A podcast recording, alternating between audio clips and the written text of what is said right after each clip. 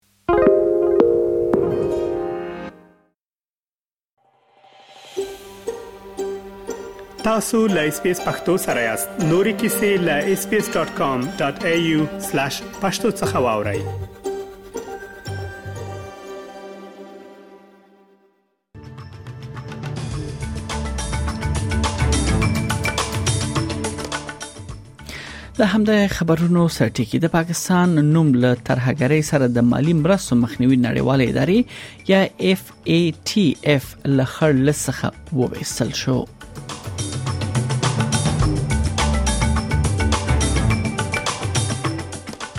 بل خو په شمالي وکټوريا کې د سیلابونو تر ګواښ لاندې خارګوټو کې ټولنې به ډیر ژر د بدترین ناورین تجربه یعنی په تمه اوسي یا دا به تجربه کړي ځکه په یادو سیمو کې د راوتلو سیلابونو اوبو کچې تر وروسي حده لوړېدو حالت کې دی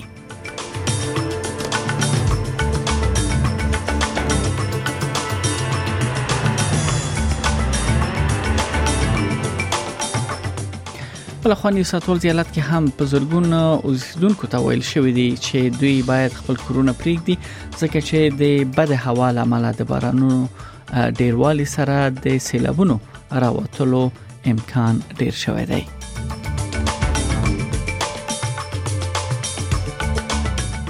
او بل خو په استرالیا کې د ډیجیټل حقوقو یا حقوقو مدافعین د املاکو ادارو څخه غوښتنه کوي چې د کرایه کونکو څخه دوی باید لږ معلومات راټول کړي ځکه چې په دې ورسېو کې د انټرنیټ لارې هکران او یا کم کسان چې جالکاران دي هغه د غنو مشتریانو معلومات غلا کوي نه دا چې لمدغو لارو څخه د مشتریانو معلومات هم غلا شي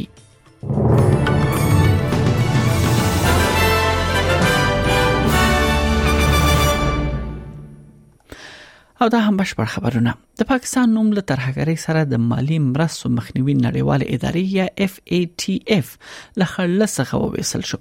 د تور پیسو سپینوي او هم د ترهګرۍ سره د مالی مرستو مخنیوي نړیوال ادارې یا فینانشل اکشن ټاسک فورس د پاکستان نوم له خپل خړ لسخه ایستل دی دا پریکړه د ای اف ای همدغه ادارې په هغه دوه ورځنۍ غونډه کې شوې ده چې د اکتوبر په شلمه د فرانسې په پلازمینه پاریس کې پیل شوې و د یادې ادارې مشر ټي راجا کومار وایي چې پاکستان د دوی پر 15 سپارښتنو باندې په غور او هم اندازه باندې عمل کړی دی ځکه دوی د دې هواد نوم خپل خړل څخه وباسي د یاد ادارې په دې غونډه کې د ملګرو ملتونو پیسو نړیوال وجهي صندوق یا نړیوال بانک اساسو هم د مبصر په توګه دوی هم ګډون کړو په غونډه کې د پاکستان پلاوی مشري د دې هواد بهرنیو چارو سکرټر حنا ربانی کوله بل خبر په افغانستان څخه د کابل کې د چاودنو او دزونو غږونه اوریدل شوې دي بل خو طالبان وایي چې د داعش ډلې ضد عملیات کړې دي له کابل څخه رسیدلي رپورټونه وایي چې د خار ختیځ سنده کې سو چاودنې شوې دي د سیمې خلکو ویل دي چې له دغه چاودنو وروسته د سپکو او درنو وسلو دوامدار غږونه هم اوریدل دي راوښو استرالیا ته په شمالي وکټوريا کې د سیلابونو تر ګواښ لاندې خارګوټو کې ټولنې به ډیر ژر د بدترین ناورین تجربه وکړي ځکه چې په یادو سیمو کې د راوتلو سیلابونو او بو کچې تر روسي حد لوړېدو حالت کې دي د کیرنګ او شاخوا خارګوټو ته نږدې په راتلونکو ساعتونو کې تمه کیږي چې وبل لوړ کچه ته ورسیږي باران او تندرونه د شپې په د شپې له خوا په ټول ایالت کې تجربه شول او دا په داس حال کې ده چې لویدیز وکټوريا بد هوا تجربه کوي اس ای اس په سویل په سویل لویدیز کې له جیلونګ څخه هاملټن ته د مرستې لپاره شاوخوا یو سل سلويخ غوښتنه ترلاسه کړې دي د کیولونګ کې د سیلابونو لاره د موټر چلولو وروسته درې کسان ژغورل شوې دي او بلخوا له یعنی یادو سیمو کې 15 اتیا ملي متره باران هم ثبت شوی دی د موري سن شورا خاروال کریس بلګي او شبکې ته ویل چې د سندو پوګدو کې ټولنه اوس یوازې د سرنګ د ناسرګندې او بول وړېدو دوی انتظار وباسي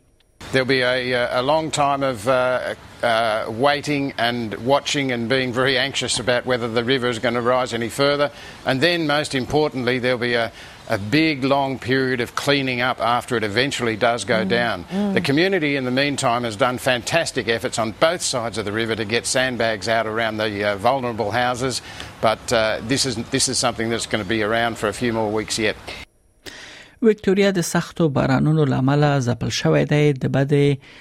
یعنی هوا لامل د سیلابونو او په ټول ایالت کې د برېښنا قطع کېدل هم تجربه شوې دي د ملبورن سویل لویدیز شي اوکس یعنی شپږتیا ملي متر باران تجربه کړی دی بیا په جیلون کې شپږ سلوي ملي متر باران سره په لویدیز خرګوټي کې د سیلابونو لامل یعنی دغه بارانونه هم شوې دي د وکټوريا ایالت بیړنۍ خدماتو په سیمه کې د سیلاب مرسته لپاره سلغو خوښتنه ترلاسه کړې دي مايكل افرون د هوا پیژندنې د ادارې یو لوړپوړی چارواکي دی خغلی وایي خلک باید د نورو طوفانونو لپاره هم چمتووالی ونیسي For the rest of today, we're going to see that rain and storm activity clearing eastern districts throughout this afternoon, but still the potential for further thunderstorm activity over the north of the state this afternoon. And then pushing into Sunday, I think we'll see further showers and storms across northern parts of the state. Less of that activity getting into the south, but still the risk of heavy rainfall across parts of northern Victoria on Sunday. بل خو د نیوساتولز ایالت په زورګونو اوسیدونکو د سخت باران او تندر سره د سیلابونو دراوتلو سره مخیدونکو دي راتلونکي بارانونه او تیز باد د یاد ایالت ځینې برخو ته زیان رسول شي د سیلابونو راوتلو نه نوې خبرداري اوس مهال شتون لري د سی اس اداره د لسګونو څخه ډیر ژغورنې عملیات هم تر سره کړی دي بلخوا د شپې په اوږدو کې د مرستې لپاره په سلګونو ټلیفونونو ته هم ځوابونه ویل شوې دي د نیو ساوث ویلز ایالت بیړنۍ خدماتو ادارې لخوا د کړکېچ تمرکز د ایالت په لری شمال ختیځ او هم سویل ختیځ کې د وکټوريا پولې ته نږدې دی د هوا پیژندنې اداره خبرداري ورکوي چې هوا به راتلونکو څو ورځو لپاره خراب وي او نیو ساوث ویلز ختیځ د پراخه بارانونو او تندرونو وړاندوینه سره مخ دی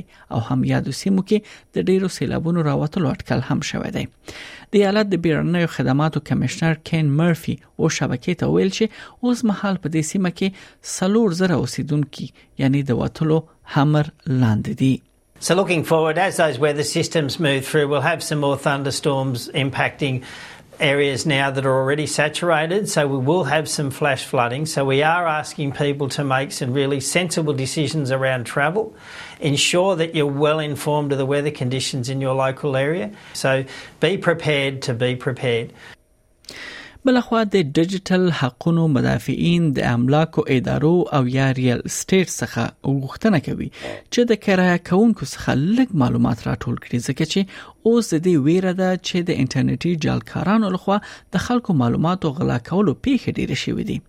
د املاکو یا ریل سټیټ ډېری شرکتونه د کرایه کونکو څخه د شخصي معلوماتو پراخه اندازه غوښتنه کوي تر څو د دوی د کرایې ملکیت خوندي کړي لکه د پاسپورت شمیرې د بانک بیانات مخکنی پته او د موټر چلوونکو یا چلوونکو یا چلونې جواز شمیرې د هغه معلومات دي چې یاد ادارې راټولوي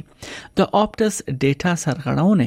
نږدې 10 میلیون استرالیان اغیزمن کړي دي او د هغوی د میډیکیر او پاسپورت معلومات افشا شوي دي میډي بانک د ورته معلوماتو سرغړونه تجربه هم کړې ده چیرې چې د نورو حساب حساسو معلوماتو په منځ کې د ناروغانو عملیاتو توضیحات جالکارانو یا هکرانو لخوا د تاوان لپاره ساتل شوې دي د استرالیا لوی سرنوال مارک ډریفس وایي هغه شرکتونو ته به جریمه ورکړ شي چې خپل معلومات په سمه توګه نه خوندي کوي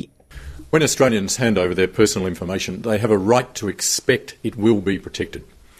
As we've seen in recent weeks, our existing privacy laws were left hopelessly outdated by the former coalition government. The Albanese government is getting on with fixing privacy laws. Next week, I will introduce legislation to significantly increase penalties for these serious or repeated data breaches and give the Information Commissioner the power to make companies comply with their obligations to protect our data.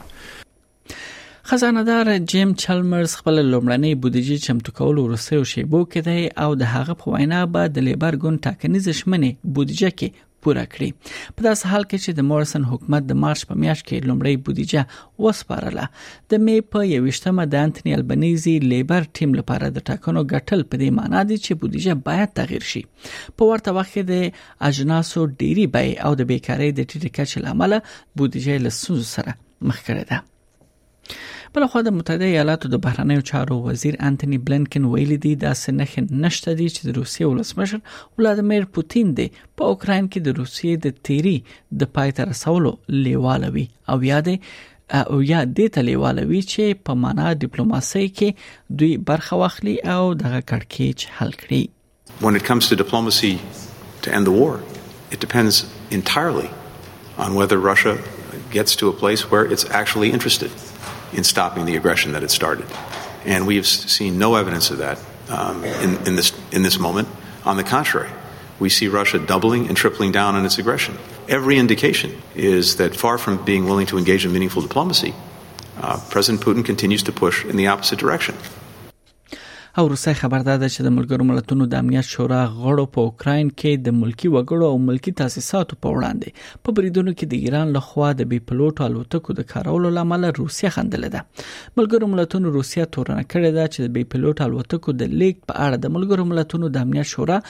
له بندیز څخه سرغړونه کوي چې د 300 کیلومتر الوتنې وړتیا دغه ډرونونه لري اوکراین د ملګرو ملتونو کارپوهانو ته بلنه ورکړه چې د هغه سماینه وکړي چې د دوی په وینا د ایران اصلي بې پیلوټه الوتکو د ملکی اهدافو په وړاندې د روسیې لخوا کارول شوې دي روسیې او ایران دا رد کړی دي چې ګواکې دا بې پیلوټه الوتکې ایرانی دي خو په ملګرو ملتونو کې د امریکا مرستيال سفیر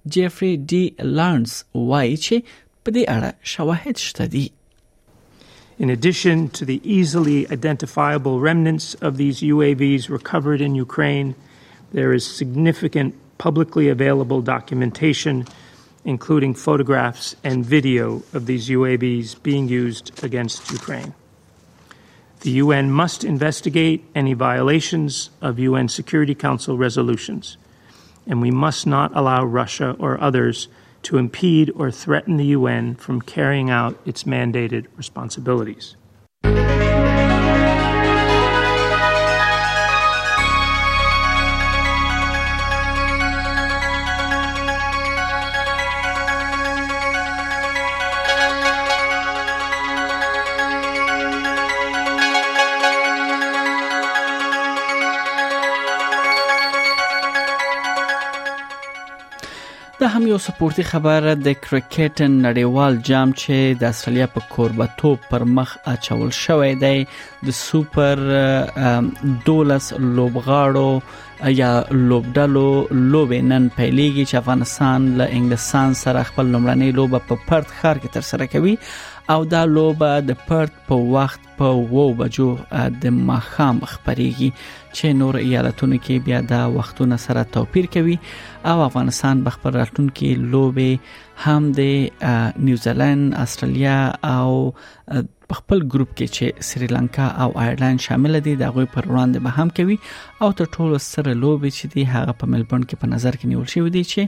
په شپږوشتم او اتوشتم نیټو باندې په ملبورن کې به د نیوزیلند او هم بل لوبډلې پر وړاندې افغانستان خپل کرکټ لوبه تر سره کوي د همدې اصلي ډالر پر وړاندې د زینو بهرنۍ اسعارو به په نړیوالو مارکیټونو کې یو استرالی ډالر 0.3 پېته امریکایي سنت 0.5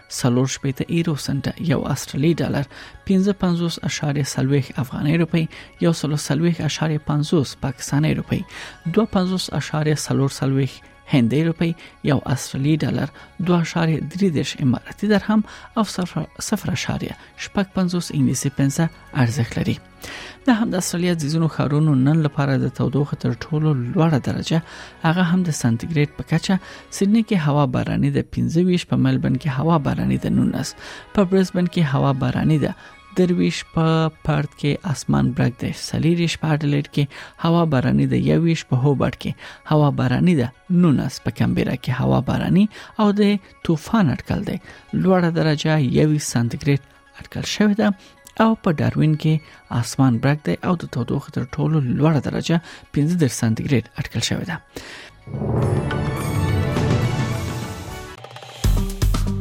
که غواړئ دغه سنوري کیسې هم او رینو د خپل پودکاسټ ګوګل پودکاسټ یا هم د خپل خاكي پر پودکاسټ یو اورئ